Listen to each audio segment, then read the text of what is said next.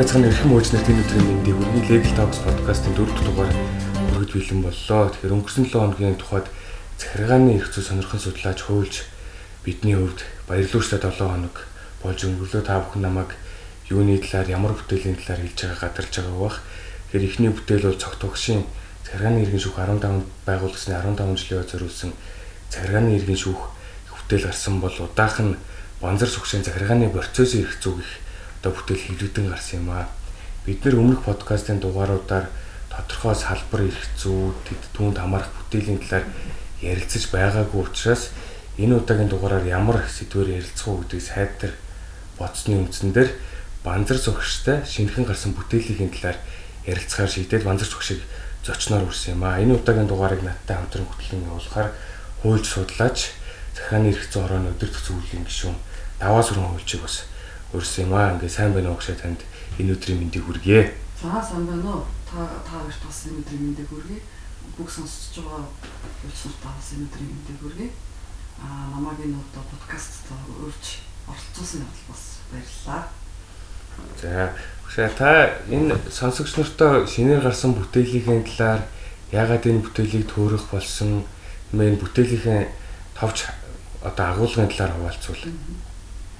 За тэгэхээр яг ер нь яагаад захиргааны процесс ирэх зүй талаар энэ ном бич болсон бэ гэдэг маань бол миний би өөрөө холбооны бүхний аймаг Канадын Баярт их сургууль докторийн зэрэг хамгаалсан хамгаалахтаа хамгаалсан сэдв маань бол Монгол Германы захиргааны процесс ирэх харьцуулах гэсэн юм сэдв хамгаалсан. Тэгээд тийм өөрөөр хэлбэл манай хууль маань өөрөө Германы хуулийн дээр суурилсан гэдгийг та бүхэн мэдж байгаа хэрэг.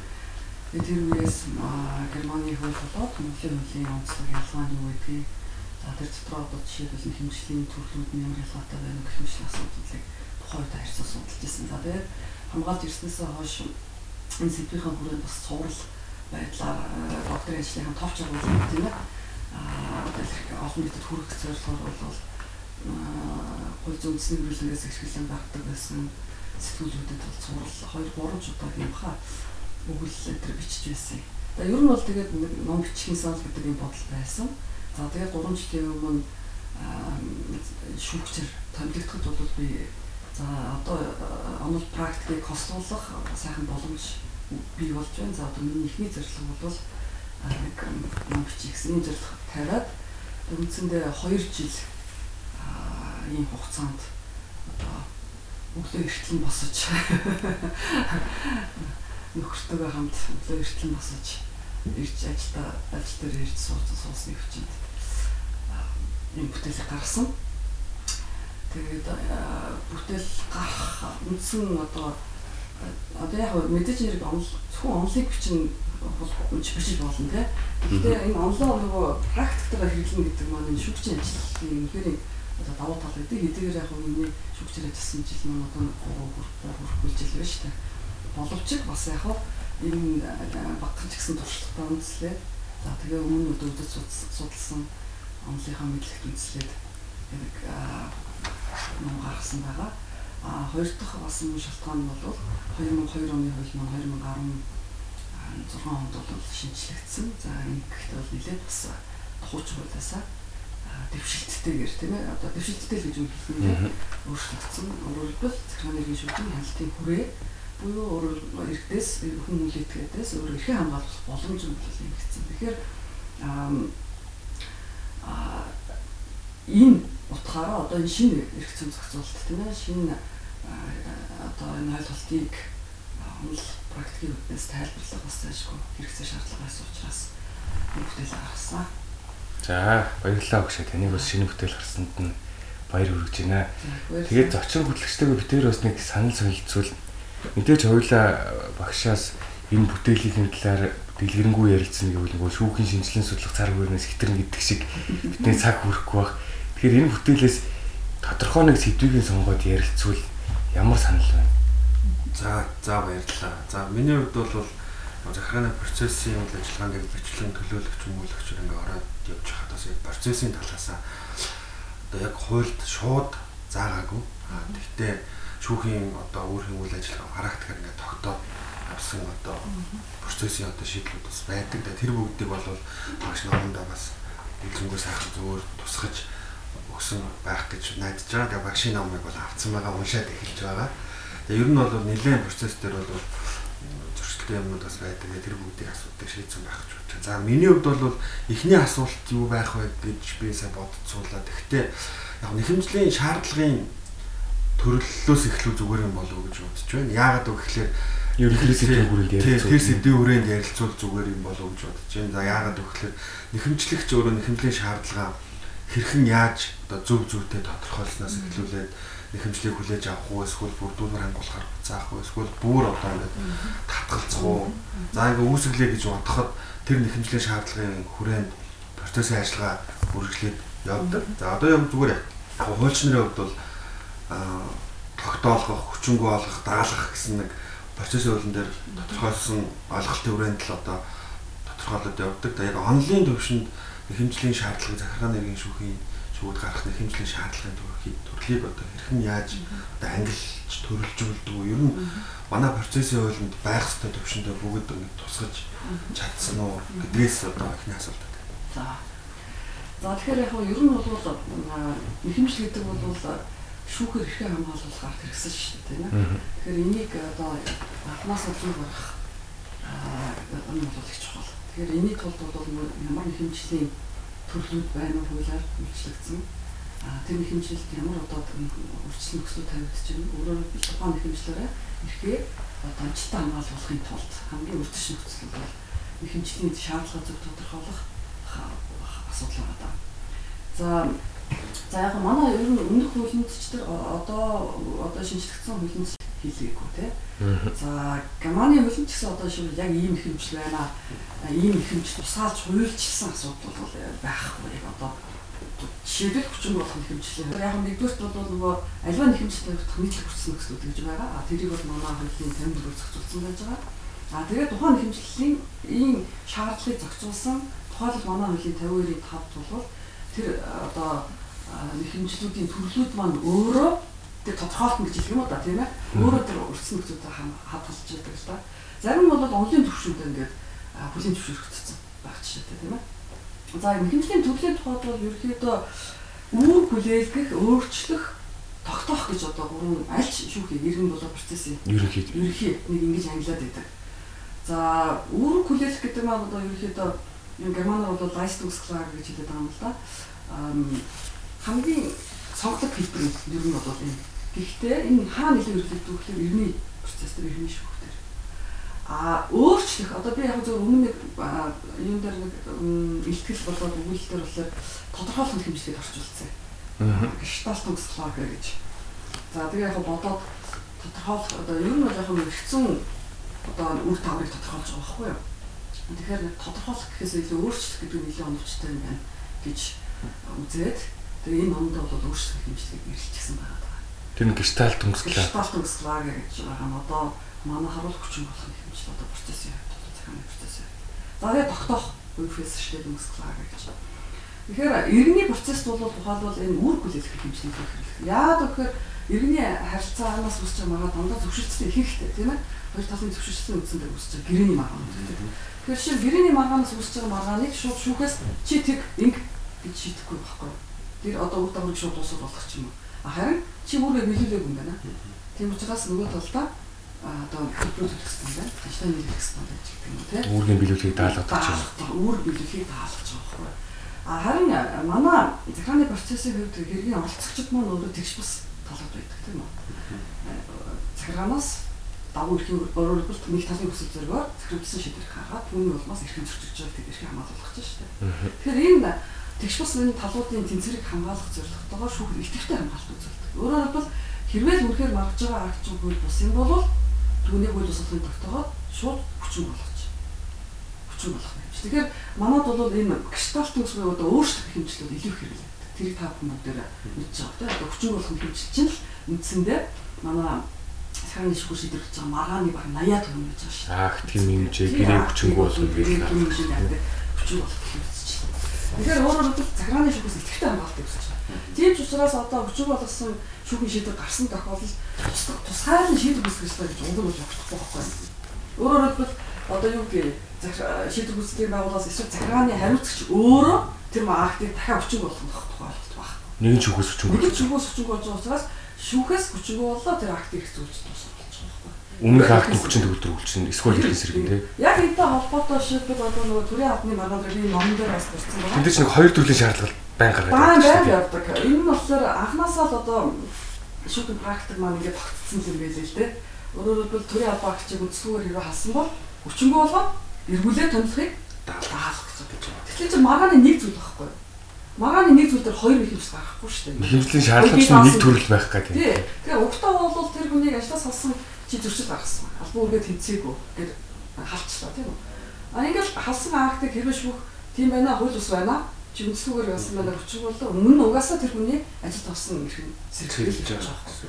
А тэр нийгмийн даатгал маатгал төлөв цалин улсын асуудал бол үр дагавар байхгүй юу? Өөрөөр шүүгэн шийдвэрийг биелүүлэх арга журам болохгүй юу? Тэр бол энэ шаардлага байна, энэ шаардлагыг хангаж ин гэхээсээ илүү энэ одоо тэр шүүгэн шийдвэрийг биелүүлэх арга журмыг зааж өгдөг шүү дээ бид нар хэсэгтээ. Тэр хэсэгтээ л заах асуудал гэж байна. Тэгэхээр энэ бол миний л одоо бодлого шүү дээ. А энэ бол тэр одоо энэ а, асуудал бол манай шүүхийн практикт бол өөрөөр явчихсан. Шүүгч нарч, бүлэгч нарч өөрөөр ойлгоцсон байгаад явж байгаа тийм. Яг зөвхөн эндээс хамгийн гол нь нэг чанарын ялгаа юу байгаа юм бэ гэдэг асуулт гарч ирж магадгүй тийм. Тэгэхээр яг эндээс хамгийн гол нь яг тодорхой тохиолдлуудад жишээлбэл одоо их зөрчил асуудал ягдаад байгаа байхгүй? Салгаад шийдчихээр жишээлбэл үнэхээр за тийм бай чамайг ажлаас салсан акт бол хууль бус юм байна. Гэхдээ чи өөрөө шалгалт өгөөгүй юм шүү дээ. Анхнаасаа орохдоо. Эсвэл чи мэрэгчлийн одоо нөгөө мэрэгшүүл шалгалт өгөөгүй юм биш үү?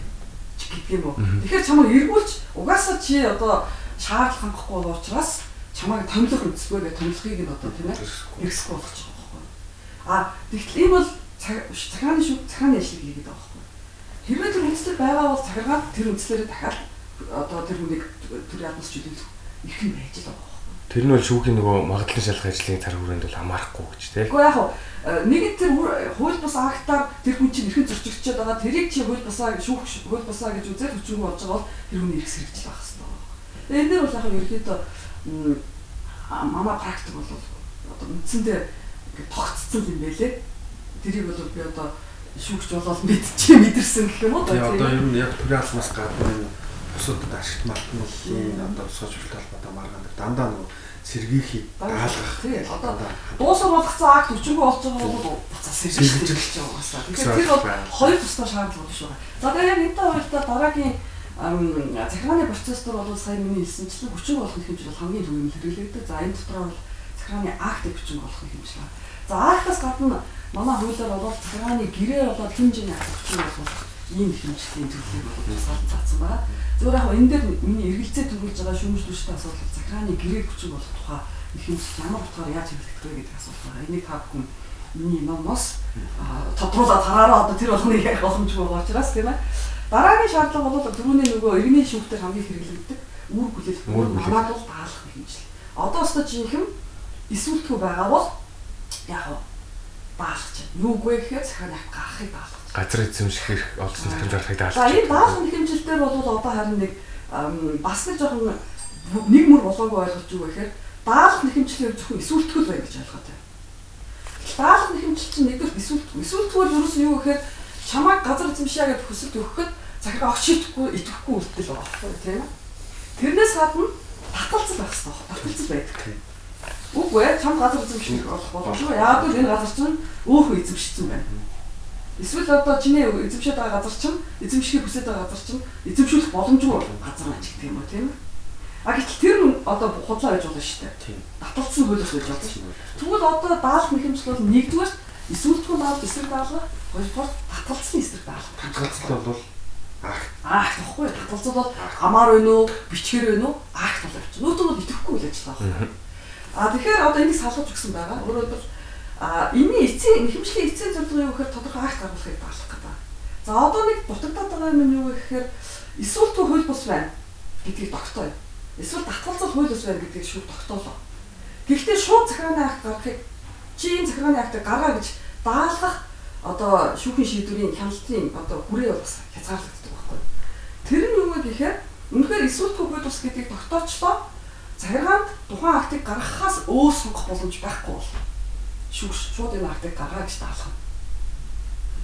Өөрөөр хэлбэл одоо юу гэх юм энэ акт тухайн одоо захиргааны актыг гаргах үүрэг хүлээж байгаа бол ямар нэгэн захиргаанд сонгох боломж байхгүй бол гэсэн доо.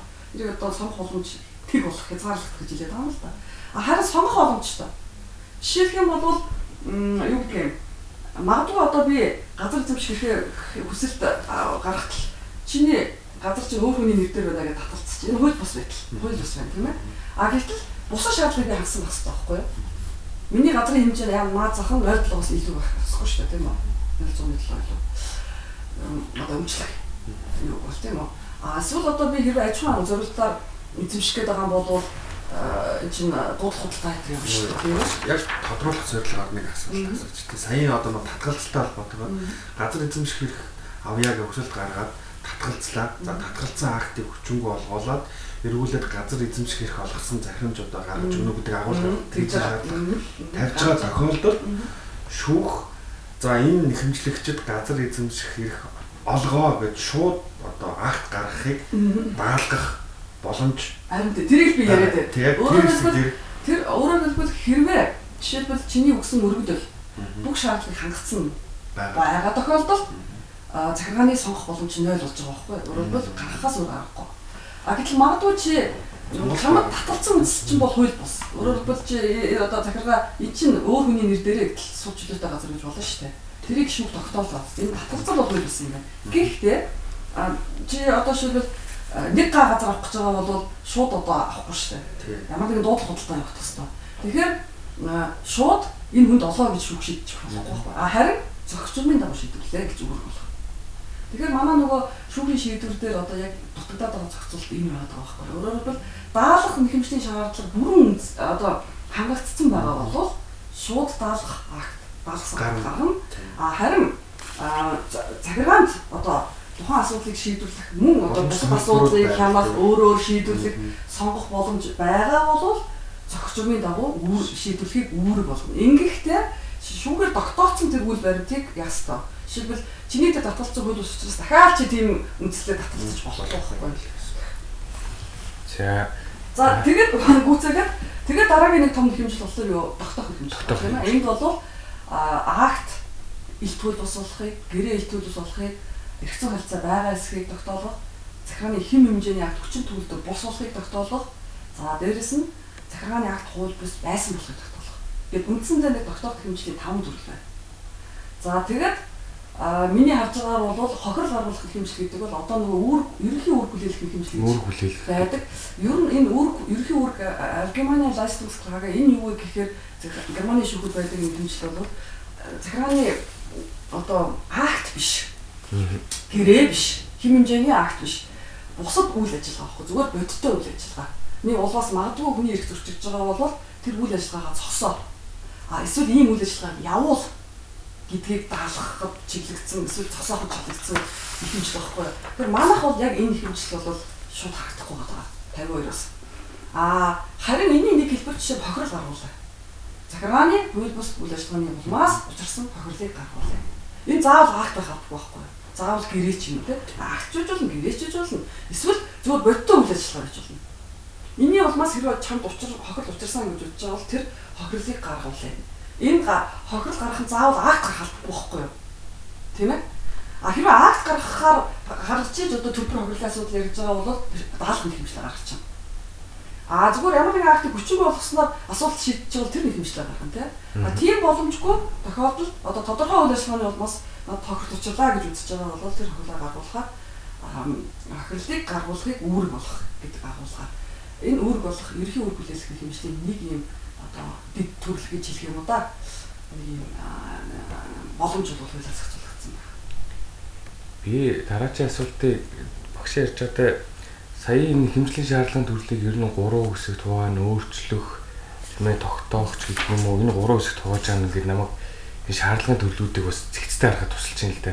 Төрөний багшийн ярианд дурддаад гарсан захиргааны гэрээтэй гэрээтэй холбоотой нэхэмжлийн шаардлагын төрөл төр одоо энэ хууль тодорхойлсон байгаа чинь зөв үү юу гэд энтэй холбоотой нэг асуулт байна л та. За би захиргааны гэрээг шүүхүүд хүчингүү тооцоолъё гэж нэхэмжлэг авах боломжийг хуулиар хөлжсөн баг шиг байна тийм ээ. Гэхдээ одоо тэгэхээр чинь нөгөө нэхэмжлийн шаардлагын төрлөөр аваад үзвэл энэ саргааны гэрээтэй холбоотой үүрэг бол үүргээ биелүүлээгүй гэдэг юм уу илүү энийг юм наривчлан зохицуулах хэрэгцээ шаардлага байна уу нэг а хоёрт нь ер нь цагиргааны гэрээтэй холбоотой маргааныг одоо шүүхийн практик чухам ямар байгаа бол энэ дээр нэг мөр шийдэгдэж байгаа юугүй юу? Хэрэглээ талаасаа за цагиргааны үйл ажиллагаатай холбоотой хэсэг нь нэг тустай байж болно. За зэвэр үүргийн биелэлтэй иргэний зүй харилцаатай гэдэг юм уу? Тэр үүрэгтэй нь холбоотой хэсгийг нь яаж шийдвэрлэх юм. Нэг хэсгийн захиргаатай холбоотойг захиргааны шүүхд нь хохирол төлбөр гэдэг юм уу? Үүрэгтэй холбоог нь иргэний шүүх шийднэ гэдээ явах нь өөрөө хэр төвөгтэй байдлыг бий болгох уу эсвэл одоо ингээд тус туслах нь шийдэх зүйтэй юм уу гэдэг юм асуулт. Тэгэхээр хамгийн одоо би ном бичиж байхдаа гэрээтэй холбоотой хамгийн эргэлзээтэй бөгөөд бас жоохон хүндч гэж хэлэх юм уу хэсэг байгаа даа юм л та. Нэгдүгээр захиргааны гэрээг хүчин болох юм хэмжил. Өөрөөр хэлбэл одоо нөгөө өөрчлөлт хэмжлээ шүү дээ. Одоо нэгдлийн давуу шүүхээс шууд гэрээг хүчин болох гэдэг тийм. Гэтэл гэрээ чинь яасан? Хоёр талын зөвшөөрлөлийн үндсээр байгуулагдсан байхгүй тийм. Тэгэхээр жишээлх юм бол яг акт шиг, актыг хяндаг аргач шиг хянаад оо хөл бус ингээд хүчин болгоё гэж шийдэх нь өөрөө гэрээний амлалт тийм ээ гэрээний харилцаатай хэр одоо нийцэх вэ гэдэг асуудал нэгдүгээр асуудал байгаа да. Хоёрдугаар бид нар захиргааны ерхий хөлийг авч үзэх юм бол системчлэг авах юм бол актын тууд бол албаны хоёр түвшин харагдаж байгаа. Ил төлбөс маргаан бүхий тийм үү? А гурамч түвшин гэж хэлж болно. Нөгөөх нь илэрхий засч болох л да. Хэлбэрийн мэдээ байна. Тэгэхээр нэг өсөндөө хамгийн хүнд алдаатай буюу ил төлбөс акт байгаа бол ил хууль бусыг тогтооно. А бусад хэлбэрийн төдий биш. Тэгвэл бус алдаатай актын хувьд бол хэлбэр шүтэрийг тогтоох хүчин болгож байгаа тийм үү? Тэгтэл гэрээний хувьд бол одоо нөгөө магаан бүхий гэрээ ч гэдэг юм уу хууль зөрчсөн гэрээ гэдэг ойлголт байхгүй илтгүүл бас гэрээний зохицуулт байгаа байхгүй. Тэгэхээр энэ маань өөрөө ямар агуулга бай гэхээр зарчмын хувьд гэрээ хоёр тал юм гэдэг утгаараа тийм ээ. А зүгээр одоо хуулийн зөрчлөлийг үндсэндээ харилцан зөвшөөрч байгаа гэж ойлгоод байгаа байхгүй. Тэгэхээр жишээлбэл бол харин зөвхөн ямар тохиолдол гэхээр Илтгүүл бас тухайн гэрээ үнэхээр ноцтой зөрчилтөө төөрөгдсөн талууд одоо юу гэдэг нөгөө заасан байж байгаа шүү дээ. Ийм тохиолдолд бол тухайн гэрээ үүсгэн түүнээс бусдаар болвол нэгэн төвчин төвдөр болсон гэрээний хувьд бол зүгээр одоо ингээ хөл зөрчиж тэгчиж ингэжиж гэдэг үндслээр бол хүчнэггүй болохгүй маа гэсэн санаа цаана одоо байна гэж ойлгоод байгаа байхгүй. Тэгэхээр гэрээ захиргааны гэрээ хүчнэг болох хэмжиллийг одоо ямар тохиолдол гарах вэ гэж тийм ээ. За илтгэл бас бүтээ дэргөө 52-ийн 5-ын хэдэд үлээ 3 2 3 бүлээ. Зааснаар бол нөгөө захиргааны гэрээ илтгэл усыг тогтоолгоод эрхэм зөрчил зэтгэлийн зүгээс бол яг их хамгаалж боломж байж байгаа. Гэвч тусдаа би даасан хэмжээ төрөл байгаа. А энэ хүчнээ болох дээр одоо яг ямар тохиолдолд гарах вэ гэдэг нь асуулт үүсгээд байгаа байхгүй. Тэгвэл магадгүй гэрээг цуцлуулах асуудал байх уу? Цуцлуулах хаар одоо энэ захиргааны гэрээг хүчнээ болох тухай хэмжлийг гарах уу гэдэг бол бас байж болохын гэхдээ нэг талаас нөгөө талаас бас хэрэгцэж. Яг бол гэрээ чинь юу цуцсан гэдэг чинь хүчин өдөр үйлчлэл болчихсон одоо хэрэгжиж байгаа гэрээний тухайд л ярьдэн шүү дээ тийм ээ тодорхой үндслээр. А мөн яг энэ санаа цэцгийн ерхий хөлдөг ямар тохиолдолд цуцлах юм бэ? Нийт ашигласан тохиолдолд ноцтой одоо зөрчсөн тэрхүү гэрээг биелүүлэх ямар ч боломжгүй болсон нь цаашаа хэрэгжүүлэх боломжгүй болсон тохиолдолд нэг тал ихлээд өөрөө тэр цуцлах саналаа гаргаа тийм А тэгээд хэрвээ зөвшөөрөх юм бол зөвшөөрөх зөвшөөрөхгүй бол одоо яах юм? Аа туслахыг шаардаж шаардах. Одоо тэр шаардлагатай чинь шүүхэл шаардах гэдэг шүү дээ гэсэн тийм шүүх тэрийг тогтоох. Яг зөвхөн захиргааны гэрээний нэг хүчингү болох нэхэмжлийг гаргаж болох нэг агуулга бол миний хувьд харж байгаагаар одоо жишээлбэл э, захиргааны гэрээний нэг онцлог нь аюул олон гэрээнүүд актын үндсээр байгуулагддаг. Жишээлбэл тендер, концесс гэдэг юм уу. Өөрөөр хэлбэл захиргааны актаар ирэх болгоод тэр их болгосон акт үндсэн дээр гэрээ байгуулагддаг шүү дээ тийм ээ. Тэгэхээр магадгүй одоо дагалдах байлаа гэж хэлэх гээд байна. Аа захиргааны хэрвээ тэнд концесс тендер олгосон их болгосон шийдвэр хууль бус юм бол а хууль бусгийн хүчин болж бол түүний дагалдаа байгуулагдсан. Магадгүй одоо тодорхой нэг юм дээр гэрээ байгуулагдчихдаг шүү дээ. Угаасаа нөгөө маргаал явж идэл те. Тэгэхээр тэр гэрээг дагаж дагах байдлаар хүчин болох гэдэг нэг юм хэмжлэлийн шаардлага байдлаар хэрэглэгдэж болох юм уу? Бусдаар бол захиргааны гэрээний тухайд бол илтгүүл бусаар эсвэл одоо нөгөө байдлаар тий жишээлбэл бусдаа захиргааны гэрээний үүргээ биелүүлээгүй эсвэл улмаас учирсан хохирол гаргах гэдэг түрүүний миний ярьдаг хохирол гаргах хэмжлээ. А бүр цаашлах юм бол эргэцэн харьцаа байгаас их тогтоох хэмжлэг юм. Ийм үүрэгтэй байна гэдгийг тогтоож өгөө. Гэдэг байдлаар бол одоо зөрчигдөд байгаа эрхээ хамгаалах боломж байгаа даа байхгүй. Тэгэхээр энэ захиргааны гэрээ хүчин болох хэмжлэлийг хэрэглэгдэх одоо хүрээ бол хязгаарлалт юм уу гэж би харж байгаа. Энэ гэхдээ миний л одоо таамаг штэ. А яг бодит байдал дээр одоо яаж ойлгоод яаж хэрэглэж явах нь одоогоор яг захааны гэрээтэй холбоотой маргаанууд төдийлөн их биш. А байг нь бол дандаа саяны миний хэлсэнчлэн тендертэй процесстэй холбогддог. А энэ тохиолдолд бол тухайн захааны акт усны байна уу гэдгээс хамаарал гэрээний асуудал яригдчихдаг тийм ээ. А яг зүгээр жишээлбэл гэрээ ингээд байгуулагддаг. Одоо энэ нэг давуу тал нь юу вэ? Одоо манайх ялангуяа манайх шиг юм уус төссөн газар яадаг вэ гэхээр захиргаа солиодсон гол өмнөх одоо захиргааны хаваа болсон гэрээний гэрээнийхээ үгийг хэвч өгдөггүй, төлбөрөө төлдөггүй. Тэгээ гэрээ байгаад байдаг. Ажлаа хийцэн байдаг. Төлбөрөө өгдөггүй, тий? Энэ зэрэг тохиолдолд бол жишээлбэл гэрээний үүргээ биелүүлэхгүй байгаагаас учирж байгаа хохирлоо гаргуулах гэдгээр юм уу? Асуулын гэрээний үүргээ хэрэгжүүлэх үүрэгтэй байна гэдгийг тогтоолох байдлаар тийм ээ А түүнээс ч тэр гэрээг хүчин болгох сонирхол авахгүй байгаа шүү дээ. Би хэмжих чинь тийм ээ. Үүргээ биелүүлэх үү биелүүлэхтэй хамааралтай л гол юм байна. А зөвхөн яг түрүүний эрхмийн асуудал дээр а энэ үүргийн үүсэлт холбоотой маргааны захирын шүүх хийх юм уу? Бас нэг асуудал байгаа тийм. Тэгэхээр үүргийн үүсэлттэй холбоотой гэрээ шүүх шийдэхгүй гэдэг бас нэг юм үзэл баримтлал яваад байгаа. Яг нь ер нь хөлчтийн тунд байдаг тийм шүүгчдийн тунд байдаг. Тэр зөвхөн миний бодлоор бол нэгэн захиргааны гэрээ гэж үзье захиргааны гэрээний одоо маргааныг захиргааны шүв шилж байгаа бол оо за энийг одоо захиргааны шүв шилнэ. Одоо элтүүд бас тогтоох юм. Тэ? Үргийн бэлтэг үргийн бэлтгийг хангуулах нь бол иргэний шүв шидэ гэж яалах нь бол өөр их хүндрэлтэй. Хинт хүндрэлтэй гэхээр хэмжлэгч нарт хүндрэлтэй. Шүүгчлэр ч юм яадаг одоо одоо яг юмар ялах юм. Өмгөөлснөр ч айгүй хөвгтэй. Тий. Одоо чинь илүү зардалж хэрэглээ. Илүү зардалж хэрэглээ. Одоо нэг хүн бол хоёр янзын хоёр шүүгд марган гэдэг чинь наазах нь одоо магадгүй хөнгөлөгчийн хүсийг хоёр дахиж төлөх. Аль нь яаж төлөвлөх вэ гэж тийм. Хамгийн прагматик агуулга. Тэгэхээр ууг нь бол нэг бүр шийдэх ёстой юм шиг гэж би миний одоо хувийн байрсан.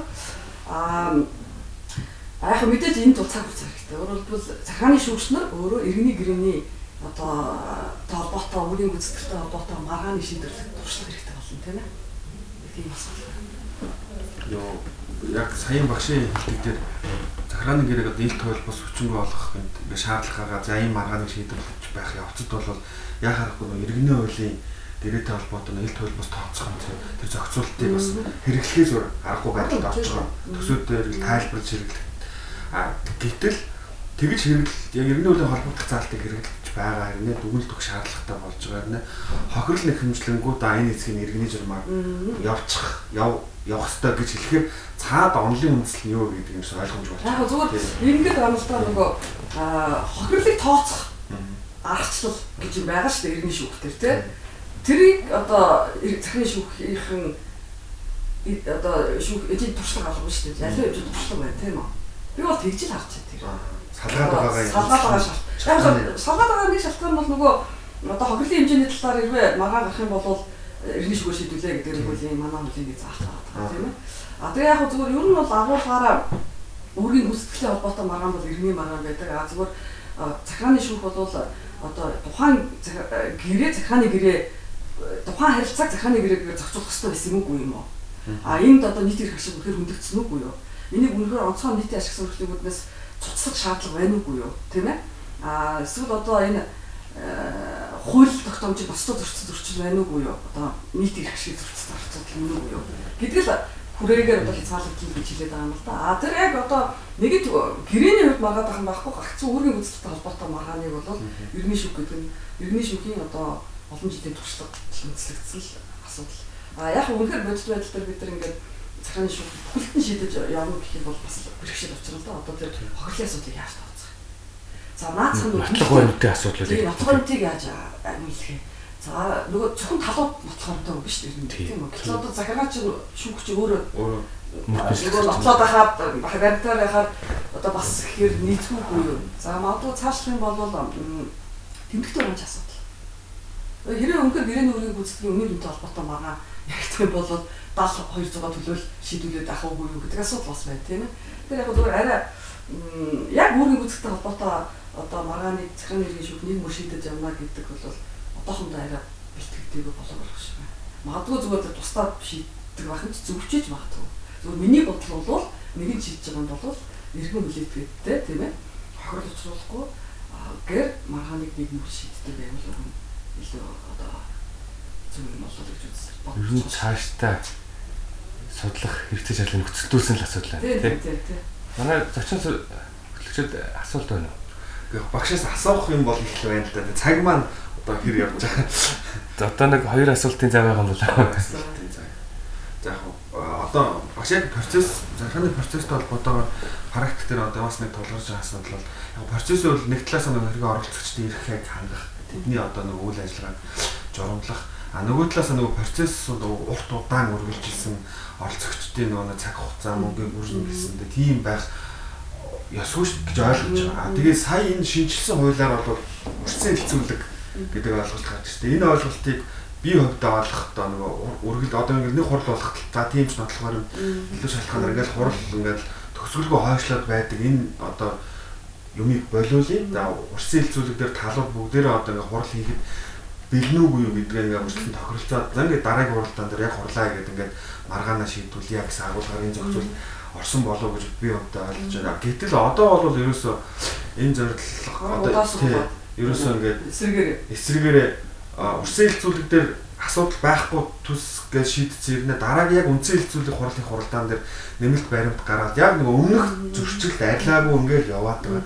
Тэгэхээр энэ заалт өөрөө яг ийм зорилготой заалт байсан уу? Энэ одоо ингээ инхээр яг зорилгынхаа дагуу хэрэгжиж чадахгүй юм уу?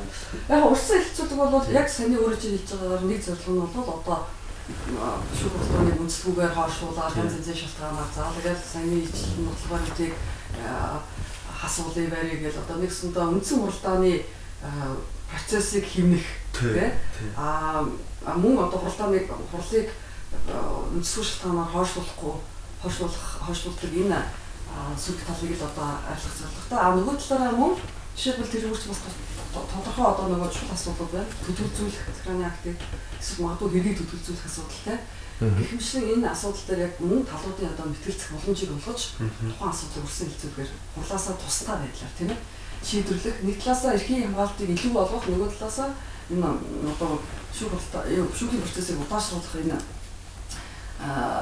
байдлыг одоо зогсоох тийм үү багасгах ийм зорилготой бол үндсэндээ бол орсон зохицуулалт л та. Тэгээ яг бодит байдал дээр практик дээр одоо нөгөөх маань зорилгоо хэрэгжүүлж чадж чинь нөгөө гэдэг асуудал гарч ирж байна тийм. А зүгээр яг актыг төдөлзүүлэх асуудал нь болоод хэргийн төдөлзүүлэх гэдэг одоо магадгүй өөр шүүх шүүх өөрөөр чаалтаа гэсэн бас асуудал болоод ийм зорилгоо биелүүлж байгаа гэж бодож. Яг бол зөвхөн тэр талаар ихэлж шүү дээ тийм ээ. А зүгээр харин одоо нотлох баримтын асуудал дээр тэрийг хязгаарлахын тулд магадгүй одоо нэгэд урсан хэлцүүлдэг нотлох баримтаа гаргаад өгөөд ингээ болчлоо гэж үзэж байгаа бол шүүх хуралдаан дээр те дахиж нотлохоор гаргая гэдэг хүсэлтийг гарах боломжгүй байдлаар зохицуулах зохицуулж ижил юм эсвэл шийдэгдэнэ. Тэгэхгүй одоогор бол хоригсон зал байхгүй байхгүй? Тэ? Ер нь бол процессын шүүгэн шийдвэр гаргах хүртэл тэр хүн одоо мэтгэлцэх баталгаатай шинээр гаргах асуулах энэ боломж байгаа. Уг нь бол зүг юмсан. Гэхдээ яг жишээ Германаас ялгаатай бид урсан хэлцүүлэх гэдэг юм яах гэж хийсэн юм бэ гэдгээр энийг илүү яг тодорхой зааглаад а за эндээс хойш бол одоо байхгүй байна гэдгийг чөлөнтөл одоо багчд нэмж тодруулахаас өөр аргагүй тэгээгүй тохиолдож шүүх одоо хоригж болохгүй эрхийг одоо зөрчиж болохгүй нөхцөл байдал үүсэж байна. За үндсэн сэдвтэй холбоотой сүүлийн нэг асуултыг асуучих. Цаг ч бас нэлээд хэдүүлээ явчих шүү лээ.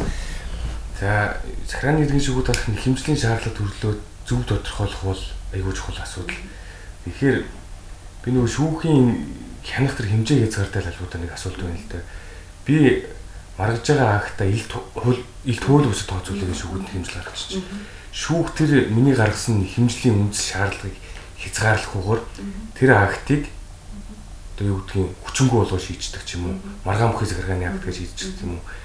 Тийм тохиолдлууд ер нь За яг ийм асуудал өөрөөр хэлбэл энэ дээр шүүгч нар ямар одоо байршилтай байдгийг шүүх хэмжээ шалгал өөрчилж болохгүй гэж. Тийм ээ. За зөв энэ бол зөвхөн тийм. Гэхдээ саяны кейс дээр чиний өөрөө чи хийсэн кейсийг яг эсрэгээр нь жишээлх юм бол хүчинг болвол яа гэж маргаад маргатал шүүхээс аа илт тул бас алдаа байна гэж тогтоох юм бол шүүх түүнийг яг илт тул туслыг тогтоох боломжтой гэж би ойлгоцод. Яагаад гэхээр угаасаа илт тул усыг хүчин болох тухайлах байхгүй шүү дээ. Илт тул усаа гарсан загаас хүчлээ. А илт тул усыг тогтоосон хүчинг болгосон хоёр хоёроо одоо хоёрын одоо их зүйн хамгаалт бол шүүх шийдвэрийн үр дагавар тухайн эрхэм зөрчил зүйдүүд яг адилхан бохгүй. Ялгаатай зөрчил зогсон. Тийм ээ. Тэгэхээр харин эсрэгээр жишээлбэл би илтгүүл бус гэдэг багтаалгая гэ маргатал илтгүүл бус биш байгаад хууль бус бол харин шүг хөрчилж болохгүй. Яг бол анханасаа илтгүүл бус гэж маргасан байхгүй. Илтгүүл бус гэдэг чинь онцгой одоо манайх л нөгөө одоо их түгээмэл байдлаар одоо хууль цогцоо алдчихгууд ч юм уу те? Эсвэл зарим үнэхээр мэдхгүйгээсээ болоо а энэ их мундаг одоо шаардлага байж гэж ойлгох юм яа одоо ингээд төл үсгээ гаргачихдаг а энэ тохиолдолд харин хүчингү байна гэд хүчингү болгож шүүх бол их хэмжих нэг өөрчилж болохгүй. Нөгөөх нь бол илүү яаж юм одоо илүү хамгаалт нэгсэн эргэцэн байдал илүү бэрдэж байгаа байхгүй юу одоо нөгөө тохиолдолд тэгээд ч тухайн акт маань илтгүүл бас юм бол нэгэнд илтүүл бус гаагт эргэцэн үйлчлэх нь бол тэрийг хүчин болох тухай ойлголт байх учраас илтүүлсэд тогтоож байна. А нөгөөх нь бол харин хүчингү юу илтүүл бус биш учраас энэ шаардлага хангахгүй болж байгаа юм. Тэгээд хамгийн гол нь ялангуяа яагаад илтүүл бус яагаад хүчин болох ихэнх хоёрын хамгийн гол ялгаа юу гэхээр хөлцөх хугацаа байхгүй. Хөлцөх хугацаа ихэмжлэх хугацаа. Энэ хугацааг алдчихад одоо 2 3 жилийн өмнө гарсан актыг элтгүүл бус болгыг тогтоолгоё гэж яснаа. Өө элтгүүл биш биш юм байна. Ерөөсө хүчин болгыг яг хэмжлийн шаардлага өөрчлөх асуудал байж та гэж. Ингэж болохгүй. А энэ тохиол шүү хүлээх хас таталцах хэрэгтэй. Яг тэгвэл та аль үшээ үйл цугцаар алдсан энэ акт чинь хөл бус ч гэсэн хүчин төвд оролцсон байхгүй. Гомдол хугацаа өнгөрсөн. Ерөөсө ялгаа нь энэ л байгаад байгаа шүү дээ нь тийм ээ. Тэгэхээр энийг бол гэж би бол хувьдаа тэгж ойлгоод байгаа юм. А тэгээд илтгүүл бас алдаа гэдэг чинь ерөөсөө тийм одоо акт болондоо байдаг алдаа биш шүү дээ. Одоо манайх сүүлийн бас ажиглаж байгаа зүйл юу гэхээр 47-гийн 1-6. Аа хүн хуулийг юулаа хууль заасан үндэслэхгүйгээр хууль юу их хөлс ашиг сонирхолд халдах хууль заасан үндэслэл байгаа юм. Энийг одоо юу гэж ойлгоод байна гэхээр ерөөсөө хууль хэрэглээний алдаатай бүх актыг л ингэж ойлгоод байгаа байхгүй. Жишээлбэл одоо хамгийн түгээмэл жишээ 2 жил 2-оос дээш жил хүндрүүлэх шалтгаангүйгээр ашиглаад бол газар эзэмших гэж цуцлаа. Хүчин болгож цуцлах тухай. За энэгээр аюух муу акт гардаг тий. Тэгэхээр одоо нөгөө хүмүүс юу гэдэг вэхээр би хүнтүүх шалтгаантай байсан. Гэтэл захиргаа хүчин болгочлоо. Цуцлчлаа. Илтгүүл бас. Яг бол 47-гийн 1-6-аар миний үйлсний ирэхэд байгаа. Халдах хуульцаас үндэслэл байгаагүй. Тэгэхээр үгүй. Хуульцаас үндэслэл байгаа байхгүй юу? 40 тэр газрын тухай хуулийн 2 жил хүнтүүх шалтгаангүйгээр гэж өөрөө хуульцаас үндэслэл нь байхгүй юу? А энэ харин одоо магадгүй ямар алдаа вэ гэхээр хуулийг буруу хэрэгсэн алдаа гэж болно. Өөрөөр хэлбэл үнэхээр хүндхэн үзэх шалтгаан мөн эсхийг цагаараа тодруулахгүйгээр яг актыг гаргаж байгаа бол хууль хэрэглээний алдаа. Буюу энэ дээрээ явах хэрэгтэй. Хэмжлэгч магаж хууль бус хүчин болгох гэдэг нь хэмжээ шаардлага юм.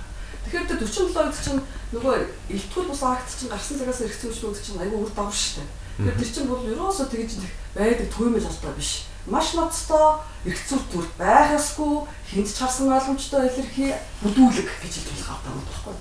Ерөөсөө одоо ер нь бол акт ар хүний эрхийг зөрчихтэй ямар ч хуулийн үндслийг заагаагүй.